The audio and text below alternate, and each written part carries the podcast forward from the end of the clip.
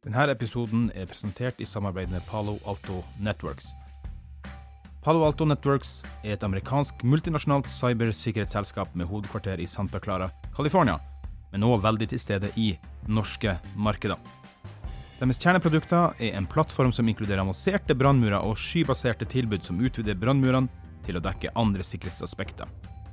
Sjekk ut paloaltonetworks.com.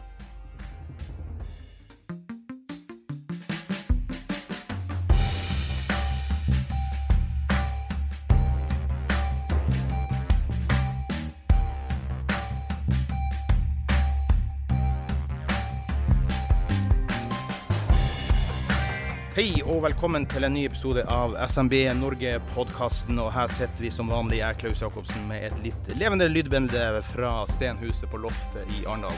Her blir det varmt. Og her skal vi prøve å få litt eh, engasjement. Vi har i dag hatt en eh, tidlig, eh, tidlig arrangement her i Stenhuset. Jeg kan nevne først hva det handla om.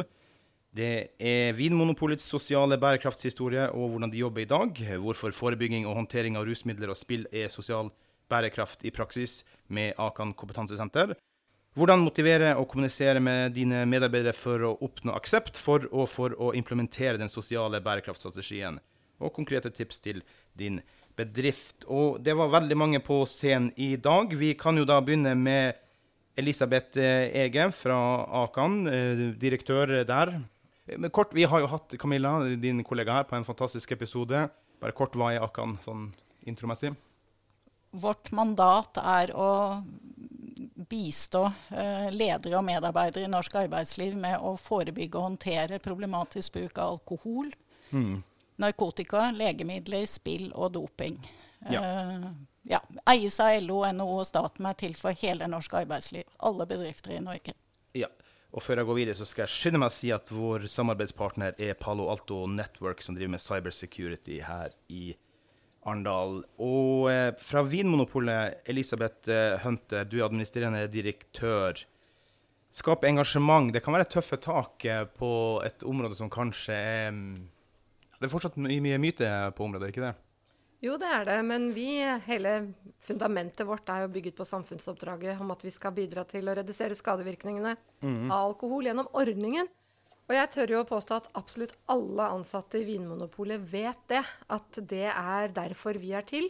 At vi skal være med å bidra, og vi skal være med å hjelpe til på sosial bærekraft. Mm. Derfor er det, jeg vil nesten gå så langt som å si, at det er en naturlig del av det vi driver med, og en, og en del av samfunnsoppdraget vårt. Ja, jeg noterte fra foredraget ditt at vi er til for sosial bærekraft. Hva legger du i det, da? Altså, I hovedsak da, så startet jo Vinmonopolet fordi det var mye sosial nød. Mange drakk for mye. Eh, og det ble jo faktisk en folkeavstemning som sa at man ikke skulle selge brennevin i dette landet. Eh, og Vinmonopolet ble jo faktisk etablert for å få til salg av vin. Derav navnet Vinmonopolet, altså ikke brennevin, men vin. På en ansvarlig måte i hele landet. Eh, og det har jo utviklet seg over 100 år, da. At eh, det er oppdraget vårt, at vi skal selge med ansvar. Så det begynte med det. Altså ansvarlig salg. At vi ikke skal selge til mindreårige, vi skal ikke selge til de som er beruset eller ruset, og vi skal prøve å unngå lan- langing. Men så har jo det utviklet seg over tid. Sånn som i dag, da, så inkluderer vi f.eks. da bærekraft i verdikjeden Ja. som en del av vår definisjon på samfunnsoppdraget, for å nevne noe. ja. Camilla Elise Berg fra Awake. Det var litt tidlig for meg å være våken i dag. Ja. Men jeg fulgte. Akans råd og var tidlig i seng i går. ja. ja, vi var fire timer forsinka med tog, så det var ikke så tidlig for oss. Men forklar litt hva Awake eh, Jeg beklager at jeg ikke spurte hva Vinmonopolet driver med. Elisabeth. Det går fint. Jeg tror folk Jeg tror de fleste faktisk vet hvem vi er. Ja. ja. Ja, nei, vi er et kommunikasjonsbyrå som jobber med å eh, kommunisere og forankre bærekraftstrategier for bedrifter, men også implementere og, og integrere indre bærekraft da, for å få ordentlig drivkraft i bærekraftsarbeidet. mm. Og det må jeg faktisk si, dere fikk engasjementet opp selv om det var tidlig arrangement i dag. Jo, takk for det. Så det er viktig, og det er bra. For det er jo tøffe tak for engasjement. Jeg bare tenkte på det. Hvordan skal vi skape engasjement? For det her er jo igjen litt sånn myte. Alt det her er jo Camilla arresterte meg sist. Vi liker ikke at det skal hete Den vanskelige samtalen, men for oss som kanskje ikke er de mer avanserte folkene på det her, så blir det myter, det blir vanskelig, masse ting her. og Hvordan skal du da skape engasjement i noe som faktisk er litt tøft og litt vanskelig? Ja, det er jo det vi ser, at det er eh, litt overveldende. Eller det er egentlig veldig overveldende for veldig mange. Mm. Eh, vi har veldig mye eh, ting vi skal forholde oss til. Det er store forventninger for eh, bedrifter eh, de skal levere på bærekraft. Men så er det også det, det individuelle engasjementet som varierer veldig mye. Um, og det å ha overskudd til faktisk drive positiv endring, det kan være tøft. Uh, og det er vår erfaring når vi jobber med ulike bedrifter på uh, å hjelpe dem å, å kommunisere og forankre bærekraftstrategien, så kommer det jo veldig ofte tilbake til at, uh, at til de menneskene skal, som faktisk skal gjennomføre strategien. Eh, mange strategier blir kanskje lagt i en skuff. Eh, mange mm. har fått bærekraftssjef-tittelen uten ordentlig mandat eller handlingsrom. Eh, så det er veldig mange utfordringer. Det er jo også snakk om mye grønnvasking. Det er mange som er ute med pekefingeren. Så å navigere seg i det, det feltet der, det, det, det er derfor AOEC er til, da. ja. For å hjelpe til med det. Ja. Mm. Eh, som sagt, Vi hopper litt etter eh, haren hit og dit. Da, for Jeg trodde jeg var for godt forberedt i dag, da, men jeg har notert mye underveis på presentasjonen deres. Det er faktisk første presentasjon jeg har fått tid til å sitte og se på, for jeg har sittet stort sett her oppe. Så den hjalp meg ganske mye. Men det var én ting du sa, Elisabeth Hunter, må jeg si, så at ikke vi forvirrer for mye her, da. Og, og det var det at uh, monopol fungerer. Altså, Nordmenn drikker 7,5 liter alkohol i snitt i Norge, ja, nordmenn, og danskene 10 liter. EU 9,8 liter altså monopolene, så drikker man mindre. Og Det er jo faktisk en liten del av bærekraft, det òg, da. Det er jo bra å drikke mindre, egentlig. Ja, altså det er som jeg sier. Sosialt, tenker jeg. Sosialt så er det utvilsomt det. For vi vet jo alle Altså vi er jo begrunnet ut ifra et helseperspektiv. Mm. Uh, og vi mener jo at uh, redusert alkoholkonsum er bra for folkehelsen. Mm. Derav også nye kostholdsråd og alt dette som har kommet nå. Så jeg tenker det er bra for mange ting. Det er uh, utvilsomt for folkehelsen, men også for det sosiale, da, som vi snakker om nå. Ja, Der hopper du rett inn i en ting som jeg noterte basert på din presentasjon i dag. Da, for at de nye helserådene har jo, de gikk vel egentlig for at helst drikke null er det ikke det som var de nye? Jo. Ja. Uh, og hva gjør det for dere? Har dere merka noe, eller jobber dere noe annerledes da? Vi har jobbet lenge med hva vi kaller no-low, altså ja. no eller low alcohol. Det ja. har vært en trend som har pågått i mange, mange år, mm. også hos oss. Eh, nordmenn er opptatt av helsen sin. De, mange har kuttet alkohol eh, delvis eller helt. Og vi selger jo veldig mye mer alkoholfritt, f.eks. Det er jo en kategori som er i vekst. Ja. Stor vekst. Og det tror jeg handler om denne kombinasjonen å være opptatt av helse, men også at man skal ha en god dag dagen derpå osv. Så, videre. så ja. Vi ser helt klart den trenden. Elisabeth Eger, det, her, det var Elisabeth Hunter var inne på noe her nå, da. Mm. Nettopp det da med, eh, som jeg har hørt også sjøl i sosiale sammenhenger, folk som f.eks. Eh, eh, altså, flytter brus over i ølbokser osv. bare for å slippe liksom si ja, 'hvorfor drikker ikke du?' og alt det greiene her. da. Mm. Men det at det nå f.eks. at du kommer på en, en, eh, si en tilstelning, en jobbtilstelning, hvor man faktisk har tatt det nettopp uh, utgangspunktet i at ok, her er det noe som vil komme, så la dem få gå i et champagneglass med det alkoholfritt oppi det. Veldig ofte så er det ikke nødvendigvis tenkt på det der, da.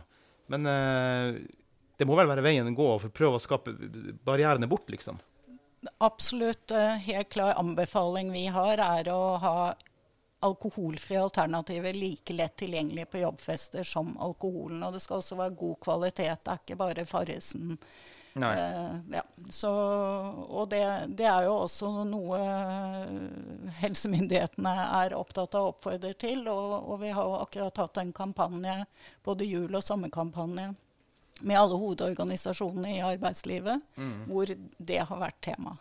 Ja. Får jeg lov å legge til yes. en ting? Jeg må bare si det at bare alle kaster inn det de vil her. Okay, det, så, ja. da kjører vi på. Ja. Vi trenger ikke å sitte høflig og vente. Nei. Nei.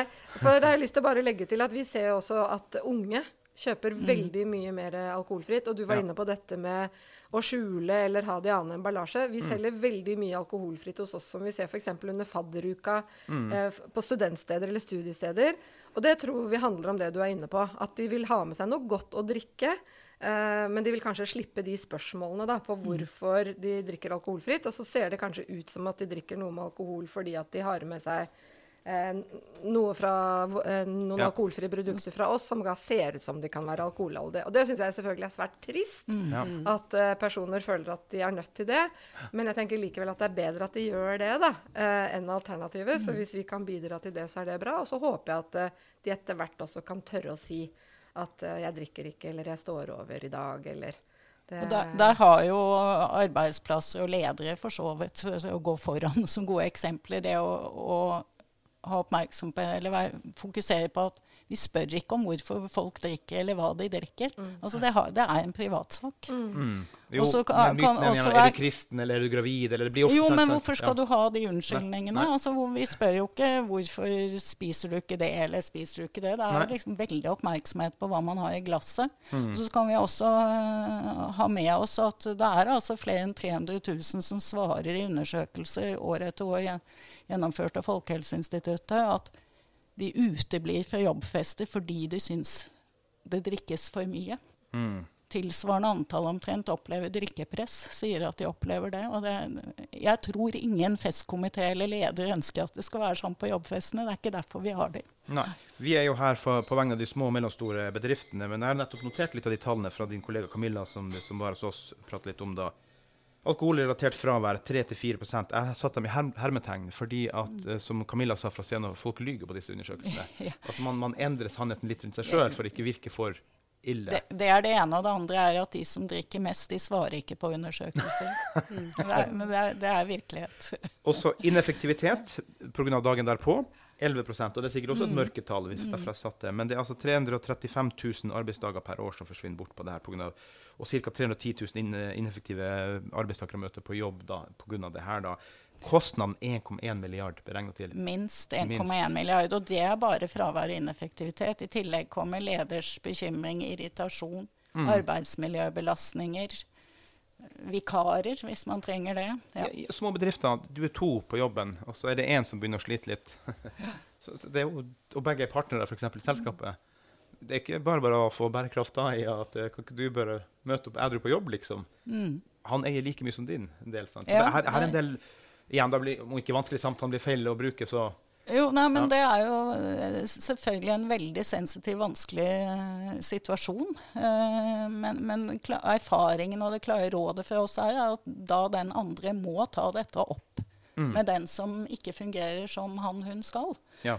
Eh, og og det, det koster mer å la være, for det er det virkelig en en problematisk bruk, da, en utfordring. Så klart da, det, det går ikke over av seg selv. Nei. Og så har jeg notert for meg sjøl etter deres tall at det er jo da human eller sosial bærekraft i å faktisk snu disse tallene.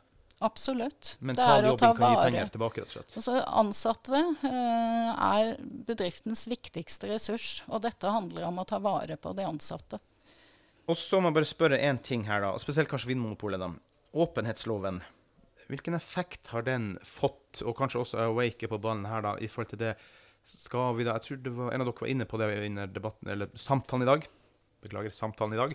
Eh, skal vi da slutte å kjøpe fra land som ikke er så opptatt av rettigheten osv.? Hvordan skal vi forholde oss til det her? Ja, det var kanskje jeg som sa. Ja. Vi, Vinmonopolet har jo jobbet eh, i 10-15 år med ansvarlige arbeidsforhold i leverandørkjeden. Da. Så vi kjøper jo vin fra hele verden. Mm. Og sånn sett så vet vi jo at det er mange farmer som ikke har veldig gode arbeidsforhold for uh, arbeiderne sine. Uh, og åpenhetsloven har egentlig gjort det enklere for oss eh, å ha fokus, eller forstå, få forståelse hos leverandørene. At dette er noe vi må jobbe med. Så selv om vi har gjort det i mange år, så har de jo syntes at eh, det er veldig så mye informasjon vi skal ha, og veldig så mye vi skal etterspørre. Ja. Eh, men nå opplever jeg en helt annen forståelse hos leverandørene at dette er et ansvar som påligger oss alle, og som vi alle må jobbe med. Eh, og i de årene vi har jobbet, så har vi jo utvilsomt avdekket farmer hvor det har vært til dels grove brudd eh, på rettigheter. Hva gjør dere da? Nei, og da har jo noen kunnet påstå sant, hvorfor boikotter vi ikke de produktene, hvorfor selger vi fortsatt de produktene. Men det er rett og slett etter dialog med både kanskje fagforeninger, de ansatte der, farmene, at de sier vær så snill ikke slutt å selge produktene våre, for da blir det bare verre. Ja. Da er det ingen som stiller krav, da er det ingen som følger opp. Men hvis vi fortsetter å stille krav og følge opp, så vil forholdene forhåpentligvis sakte, men sikkert forbedre seg. Så vi har Selvfølgelig kan vi også boikotte hvis ikke de eh, følger rådene, hvis ikke de utvikler seg, hvis ikke de viser vilje til forbedring, så er jo selvfølgelig boikott ytterste konsekvens. Ja. Men det har vi gjort svært, svært sjelden, fordi vi ser at vi får bedre resultater av å samarbeide med de vi eh, avdekker brudd hos. Da. Ja, men dere har gjort det relativt nylig. Russiske produkter. Ja, det har vi gjort, men det er jo en helt annen årsak. Ja. Det er jo, en boikott er ja, da blitt helt riktig. Ja. Men det er ikke fordi vi har avdekket noe Nei. brudd på en farm. Det Nei. er jo pga., som dere vet, krigen i Ukraina. Ja. Mm. Camilla Elise Berge, la oss ta det, da. Hva er sosial bærekraftstrategi? Det blir mye buzzword som etter hvert også skal skapes til noe mer. For det var én ting jeg noterte, nå finner jeg ikke notatene mine, i hvert fall. men det, det var noe med at um, 71 eh, altså, har ikke bærekraftsstrategi, eller enda verre, forstår ikke hva den går ut på. Nei, Det er vel altså- verre igjen, det. Ja, eller eh, det som er veldig gjennomgående, er jo at For det første må vi huske på at når vi snakker om bærekraft, så snakker vi om sosialt ansvar, klima Ja. og miljø og økonomisk levedyktighet. Det er det som eh, er de tre pilarene innenfor bærekraft. Eh, og i dag så er det mange bedrifter som utvikler bærekraftstrategier som ikke blir forankra eller forstått av de ansatte eller hele organisasjonen. Eh, og det er et stort problem, fordi eh, veldig ofte så blir bærekraftstrategier eh, laga eller utarbeida i lukkede rom. Eh, det er ikke noe eh, direkte involvering av de, de ansatte for å høre hva er det de engasjerer seg eh, for. Nei, Nå har ledelsen bestemt, ja, liksom. nå har ledelsen bestemt, og så Ja. er det iverksatt, eh, på en måte, da. Eh, og så er det kanskje en bærekraftsgruppe som har eh, kanskje masse engasjement, men som egentlig ikke har reelle mandat til å gjøre endring. Og så syns jeg jo det at Vinmonopolet er jo et veldig sånn unikt eksempel, fordi de, eh, de jo De er jo på en måte ledestjerne på måten de jobber på bærekraft, og også kommuniserer det på veldig bevisst sitt samfunnsoppdrag, fordi at det er kjernevirksomheten deres. Men det er det er faktisk ikke det vi ser når vi er ute og jobber med næringslivet på det her. Det er store utfordringer med utvikling av bærekraftstrategi, forankring, men også å, å, å få eh, drivkraft i eh, det genuine engasjementet. For hva er intensjonen for, for de her bærekraftstrategiene? Er det for omdømmeløft, eller er det faktisk for at vi ønsker å bidra? Og der er jo Vinmonopolet De har jo en intensjon i bunnen som gjennomsyrer alt det de gjør. og og det er også veldig tydelig at de har jo en struktur som er annerledes. fordi de, de higer ikke etter vekst eh, på samme måte som andre, mange andre bedrifter eh, gjør. Eh, og det tror jeg de nyter eh, veldig godt av. Men det, når jeg hører både Akan og Vinmonopolet snakke, så tenker jeg det, blir, det med kommunikasjonen da er jo kjempeviktig. At vi jobber enda mer med kommunikasjonen og den sosiale bærekraften.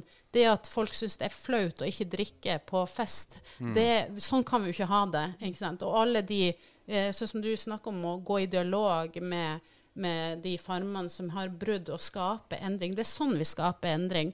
Det er å gå i dialog. Eh, og der kommer jo veldig mye av de her indre bærekraftsmålene inn, the inner development goals, som er et rammeverk for hvordan vi kan eh, gå i dialog for å, å, å Ja. drive positive endringer. Jeg skal komme inn på det jeg skal spørre om etterpå, men jeg må bare si, i og med at du var inne på toucha det der Hvordan skape engasjement, da, Camilla? Hvordan skape eller forankre det her at det ikke egentlig si blir grønnvasking, da, eller at det ikke er noe som noen tror på, eller at man ikke tar tak i det, eller her, nå har bare ledelsen sagt, og siden vi ikke liker ledelsen, så skal vi i hvert fall ikke gjøre det. Ja. Hvordan skal du skape det woohoo-engasjementet? Nei, altså For det første så må du jo se på kulturen innad i bedriften. Hvordan er den? Hvis det er dårlig kultur generelt, så, så er du egentlig litt sånn doom from start.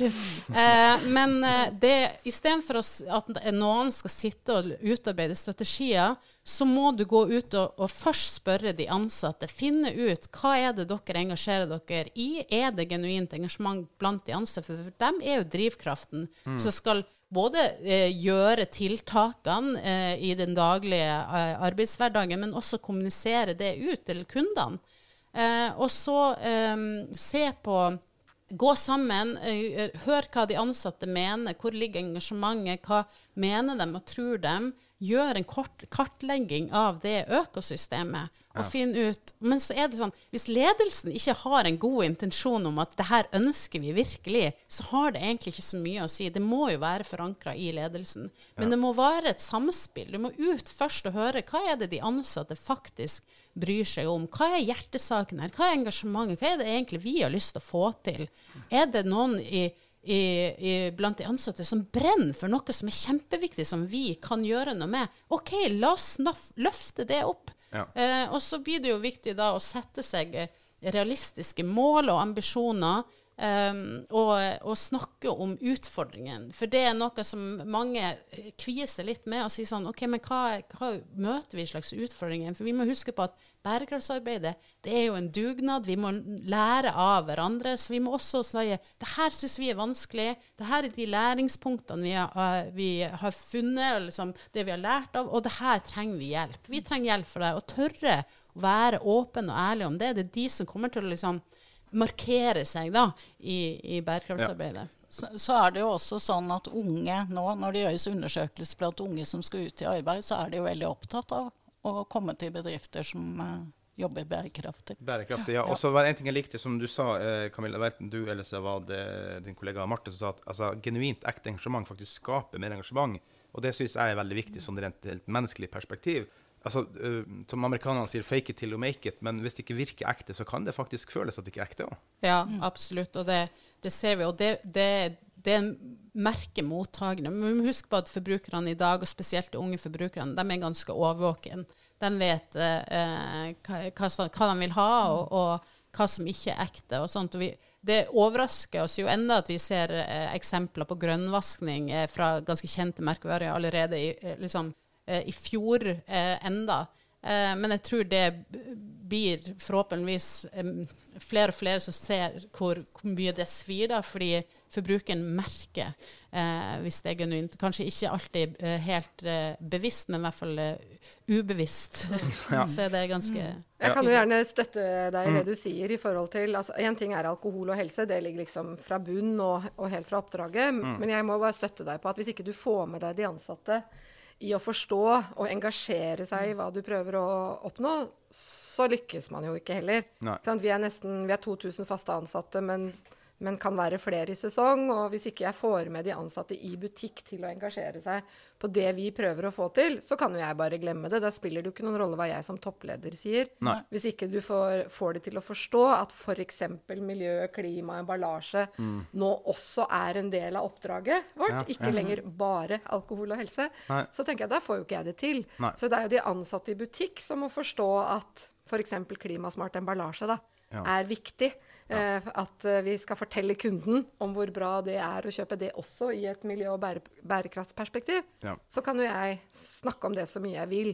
Så jeg vil bare støtte deg i det. Da, at du må få med deg organisasjonen på det du prøver å få til. Men jeg tror også på at hvis ikke jeg hadde snakket om det, og flere med meg, da, selvfølgelig, Ja. så hadde det ikke skjedd heller. Så nei, det, nei. det, må henge i hop. De yngre kreftene kommer bak og krever mm. det uansett. Elisabeth Eger, du sa fra scenen i dag at forebygging er sosial bærekraft, altså den samtalen. Skal ikke kalle den vanskelig nå, få kjeft igjen da. Men hvilke, den nødvendige. den nødvendige samtalen. Ja, okay. Men hvilke råd er det Akan gir for å skape sosial bærekraft i de sammenhengene her, da? Vi, vi, har tre råd. Det ene er å snakke sammen eh, om hvordan man vil ha det på jobb når det gjelder tema alkoholbruk, eh, rusmiddelbruk eh, og spill, gjerne. Mm. Eh, hva er greit, hva er ikke greit eh, hos oss? Eh, hva skal skje om noen ikke forholder seg til det vi blir enige om? Mm. Og hvem har da ansvar? Det er jo leder. Mm. Og det andre rådet er Ligg, altså vær tidlig ute. Uh, er du bekymret for en medarbeider som leder, så, eller en, en ansatt, da, så, så, må du ta en samtale med den uh, personen. Vær konkret på hva som gjør deg bekymret. Det, det, er egentlig det du må formidle. Så kan det hende det må flere samtaler til hvis det viser seg at det er problematisk bruk mm. som ligger bak. Mm. Det tredje er å være tydelig på at man tilbyr hjelp. Det er utgangspunktet. Vi tilbyr hjelp til de som uh, viser seg å ha behov for det. Ja. Og Hvis man formidler dette, og alle ansatte vet det, så er det så mye lettere at folk selv tør å komme tidlig og si at sorry, jeg har et problem, her trenger jeg hjelp. Og det er også mye lettere å gi bekymringsmeldinger for kolleger. Ja, og så er det vel også viktig å huske det at som ansatt så har du jo faktisk litt rettigheter òg. Det å innrømme at du har et problem betyr ikke at du automatisk skal bli sparka. Det er riktig. Mm. Uh, I arbeidsmiljøloven mm. så har uh, arbeidsgiver plikt til å ivareta sine ansatte. Mm. Ja.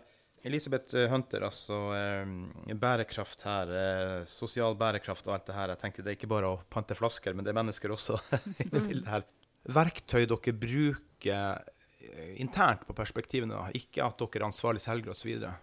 Bruker dere noe verktøy sjøl på disse tingene? Ja, hvis, vi, hvis jeg kan Humant ta sett, altså, forlengelsen Ja. av det Ja. temaet som eh, Elisabeth snakker om nå, da, Mm. så har jo vi ja, Nå har jeg vært i Vinmonopolet over ti år, og i alle de årene i hvert fall, og helt sikkert lenger, så har jo f.eks. det å snakke om alkohol, hvordan vi vil ha det, hva er akseptabelt, eh, kursing av ansatte. Altså vi har, uh, har det som tema på personalmøter, butikksjefsmøter. Altså du, du må snakke om de vanskelige tingene. Mm. Uh, og da gjelder det både ansatte og kollegaer imellom, men også kundene. Ja. Det er jo dessverre daglig i våre butikker at våre ansatte opplever å ha kunder daglige kunder som kommer og kjøper en halv vodka. Eh, de, det har de kjent med, og det har de kanskje gjort en lang, lang stund. Det syns jo våre ansatte er svært krevende. Eh, men de behandler de med respekt, og de snakker med dem. Og har de, kommer de for sent på dagen og er rusa, så får de jo ikke handle den dagen. Da må de sier de Per, du må komme hjem i morgen Ja. når du ikke har drukket, Er det liksom. faktisk krav å være null? null? Ja, vi selger jo ikke til berusede. Nei. Så, så hvis de er berusa, om det er alkohol eller Ja. annet, så selger, skal jo ikke våre ansatte selge da. Mm. Og det er jo krevende det for våre ansatte. Og så er det krevende å se kollegaer som man begynner å lure på oppfører seg annerledes. Mm. Og da legge til det, det folk jeg erfarer folk er mest redd for, er jo selvfølgelig å miste jobben. Altså det jeg er aller, aller mest redd for, uh, å miste jobben. Og hvis en kollega er bekymret for en annen kollega, så kan de også være redd for å si fra, for de er redd for at vedkommende da vil miste jobben. Ja. Uh, men da er jeg helt enig med Akan at uh, man må ta de samtalene. Man må snakke om at nå syns vi at vi ser annen atferd hos deg. Nå syns vi at, uh, ja, at du har sett mer sliten ut, eller liksom, hva det måtte være. Ja. Og bare det kan jo være til hjelp. At man blir oppmerksom på at andre ser at man har utfordring. Eller så er det faktisk gått så langt. Da, for jeg er enig i at som regel kommer man jo dessverre inn i det litt for sent, kanskje. At det er en utfordring som har pågått over tid. Ja. Men da å trygge ansatte på at vi, her skal vi ha et samarbeid. Her skal vi jobbe sammen for å se at uh, ting blir bedre. Og så skal jeg så være ærlig og innrømme at hvis ikke ting blir bedre etter at man har jobbet sammen over tid, da, så er jo ikke Vinmonopolet kanskje det beste stedet å jobbe hvis du har en utfordring. Det er jo vår ekstra utfordring. Ja. Men det gjør jo også at jeg, vi føler Kan være god føler- salgsmann, da. ja, nei, jeg føler et ekstra ansvar for dette området. At, Ja. Husk at de smaker. Altså, Ja. Vi smaker alkohol kanskje hver uke i butikk. Ja, vi Ja. spytter. Ja. Mm. Men for en som har en utfordring med alkohol, altså så jobber du i Vinmonopolet med bare alkohol rundt deg, og dine ansatte kollegaer ja. smaker hver fredag kanskje på nyheter som kommer inn i butikken. Det er jo ikke sikkert at det er den, den beste arbeidsplassen for en som har utfordring med alkohol. Men den erkjennelsen må vi jo komme eventuelt fram til sammen. Dersom ikke det er en utfordring som den enkelte klarer, med kanskje hjelp, da, Ja. å finne ut av. For det kan jo være en periode i livet hvor de har utfordringer, det har skjedd ting, samlivsbrudd eller annet, hvor det da lar seg etter noe hjelp lar seg korrigere. Mm. Eller så kan det jo være andre dessverre som har hatt et skjult alkohol- eller rusmisbruk i mange mange år, Ja. som er vanskelig å korrigere, og som da ikke kanskje Vinmonopolet være ærlig å si det, ikke kanskje er arbeidsplassen Nei. for den personen. da, da. man må være reell også. Men det er bare- også sosialt ansvar, mener jeg da. Jeg må bare si at eh, Vinmonopolet bruker jo Akan eh, som ressurs i Ja. sine egne interne prosesser her for nettopp disse tingene. da. Mm. Men du bare, må spørre deg, Elisabeth det, hvorfor er det dere ikke liker at det heter Den vanskelige samtalen? Hvorfor er det? Nei, altså, vi, Bare det å bruke ordet vanskelig gjør det jo vanskelig. Ja. Det er så Godt enkel poeng. bakgrunn eh, for at vi, vi da kaller det ofte den nødvendige samtalen Ja. eller bekymringssamtalen. Mm. Ja. Eh, og, og så ja. bare støtte veldig Elisabeth eh, Hunter på dette. For det, det vi, altså all, eh, forskning viser jo helt tydelig at til, tilgjengelighet Mm. har uh, mye å si for hvor mye man bruker. Og bruken igjen påvirker Ja. muligheten til å utvikle problemer. Og det er jo hele bakgrunnen for at vi har vinmonopolet i landet vårt. Ja. Ja. Camilla, en ting, du, dere begynte dystre i dag, selv om dere skapte engasjement. ja, det gjør det. Menneskeheten er utbrent. Mm. Utdyp. Og hvordan skal vi da være sosiale i bærekraften da, liksom, hvis de er utbrent? Hvordan skal vi få det til? Ja, Og forklar gjerne hva den, det var en gallup, stor gallup. Ja. eh, Gallup hadde en undersøkelse eller en sånn rapport som de kom ut med i fjor, som het eh, eh, State of the Global Workplace. Ja. uh, der 154 personer fra 145 land hadde deltatt. Og det viser seg at vi aldri har vært så stressa uh, og sliten sånn som vi er i dag. og stress og utbrenthet Jeg kan ganske sikkert uh, jeg at de fleste kjenner noen som er utbrent i dag, og det er et, eh, et stort samfunnsproblem.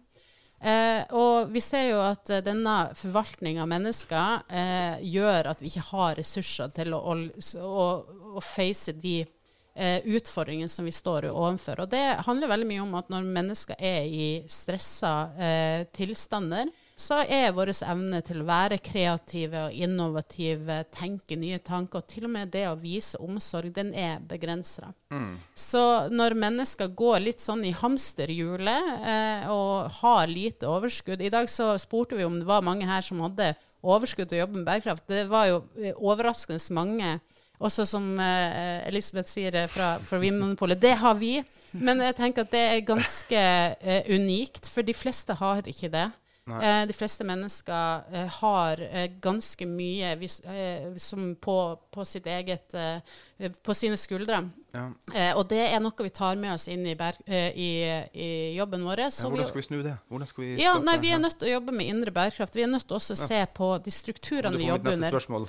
Ja. Indre bærekraft. Ja, for indre bærekraft det handler jo om eh, å se på hvordan vi jobber, både på strukturelt nivå. Hvordan har vi, eh, jobber vi under strukturer som faktisk nærer hele systemet?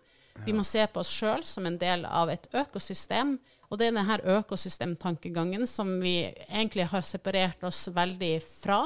Vi har glemt at vi alle mennesker og naturen er tilknytta og eh, avhengig av hverandre. Vi er påvirka med hverandre. Og det vi gjør på jobb, påvirker samfunnet. Det, det vi gjør eh, individuelt, påvirker hverandre. Så eh, indre bærekraft handler jo om å få bevissthet rundt det. Eh, og liksom kartlegge det økosystemet som vi jobber eh, under. Eh, og da eh, bruke verktøy til å eh, forvalte det, de systemene på best mulig vis. Eh, for det, det har vi ikke i dag. Nei, men det er jo også da du har jo Alle kjenner jo seg FNs bærekraftsmål, men så for et år eller to siden så kom det også disse indre bærekraftsmålene som dere prøver å få oppmerksomhet rundt og for. Ja, det er Inner Development Goals. De ble lansert i april i fjor. Eh, det ble starta av tre initiativtakere i Sverige, tre organisasjoner som heter 29K, X-Score og The New Division. Ja. Eh, og sammen med eh, veldig mange akademiske eh, partnere og forskere fra Harvard, MIT og Stockholm universitetet, Lund universitet osv., så, videre, så stilte de seg et stort spørsmål. Hva er det slags ferdigheter og evner som vi trenger for å nå FNs bærekraftsmål? Fordi eh, akkurat nå så, så går det jo ikke så bra. eh, det er litt sånn kode rød, vi har veldig kort tid på oss. Eh, og det vel, brukes veldig mye ressurser. Det er uvisst hvor mye resultater vi egentlig får. Da. Så etter tre år med forskning så lanserte de da Inner Development Goals, som er de globale indre bærekraftsmålene. Og det mener jeg alle skal notere seg nå. Fordi det er et rammeverk som er egentlig nøkkelen for å nå FNs bærekraftsmål. Um, og de målene uh, er fem dimensjoner uh, som har 23 ferdigheter under seg. Og de fem dimensjonene er being, thinking, relating, collaborating og acting. Hvis du husker det. Ja, det er fordi at uh, Awake vi er en offisiell hub for det i Norge. Vi Ja. er tatt på oss oppdraget til å eh, katalysere de målene, og vi bruker de aktivt inn i næringslivet. Eh, og nå er det eh, også veldig eh, spennende, fordi eh, eh, det er blitt kontakta av eh, par, part, politiske partier som er også interessert i å få det inn i politikken. Fordi det er Ja. såpass godt utvikla rammeverk, og det er nå er det jo over 300 huber i hele verden. Det er et stort internasjonalt engasjement.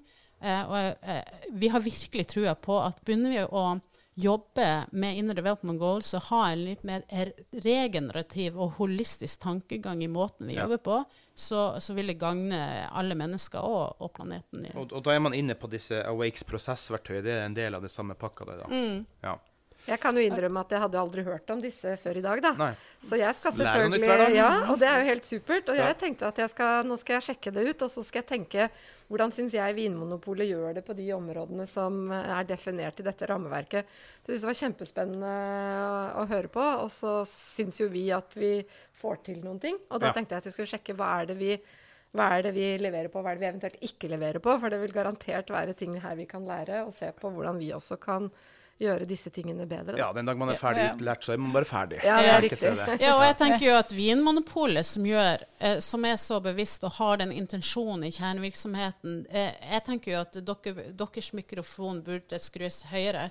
Eh, fordi at det er eh, et veldig Skal jeg gjøre det med en gang? Ja, men, men dere gjør veldig mye bra, og det, det er mye inspirasjon i måten eh, dere jobber på. Det er veldig imponerende. Eh, Tusen så, takk.